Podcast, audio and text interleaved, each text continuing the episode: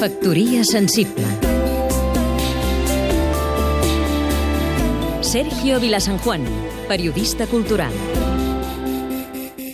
Legal Thriller Acaba d'aparèixer a les nostres llibreries l'última novel·la de John Grisham, La herència.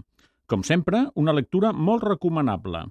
John Grisham és el millor representant actual del gènere conegut com a legal thriller, històries de suspens protagonitzades per advocats que disputen decisions judicials amb grans quantitats de diners pel mig.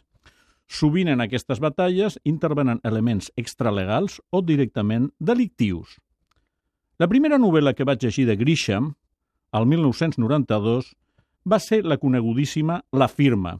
Vaig pensar llavors que era molt americana i que quedava molt llunyà de nosaltres aquest món d'elaborades estafes econòmiques amb derivacions a grans bancs internacionals, processos que duren anys i anys i advocats de vestits impecables i honoraris astronòmics. Però en els últims mesos cada vegada em veig més submergit en una atmosfera de legal thriller. Els casos de Bárcenas i Bànquia a Madrid i els de Fèlix Millet i la família Pujol, entre nosaltres, tenen tots els elements que han convertit Grisham en un gran bestseller internacional. I el que ens queda per veure. Per cert, senyor Turmàs, Segons la meva opinió, el veritable adversari de Catalunya no és l'estat espanyol, sinó aquells catalans que han convertit la nostra societat en un pur escenari de legal thriller. Factoria sensible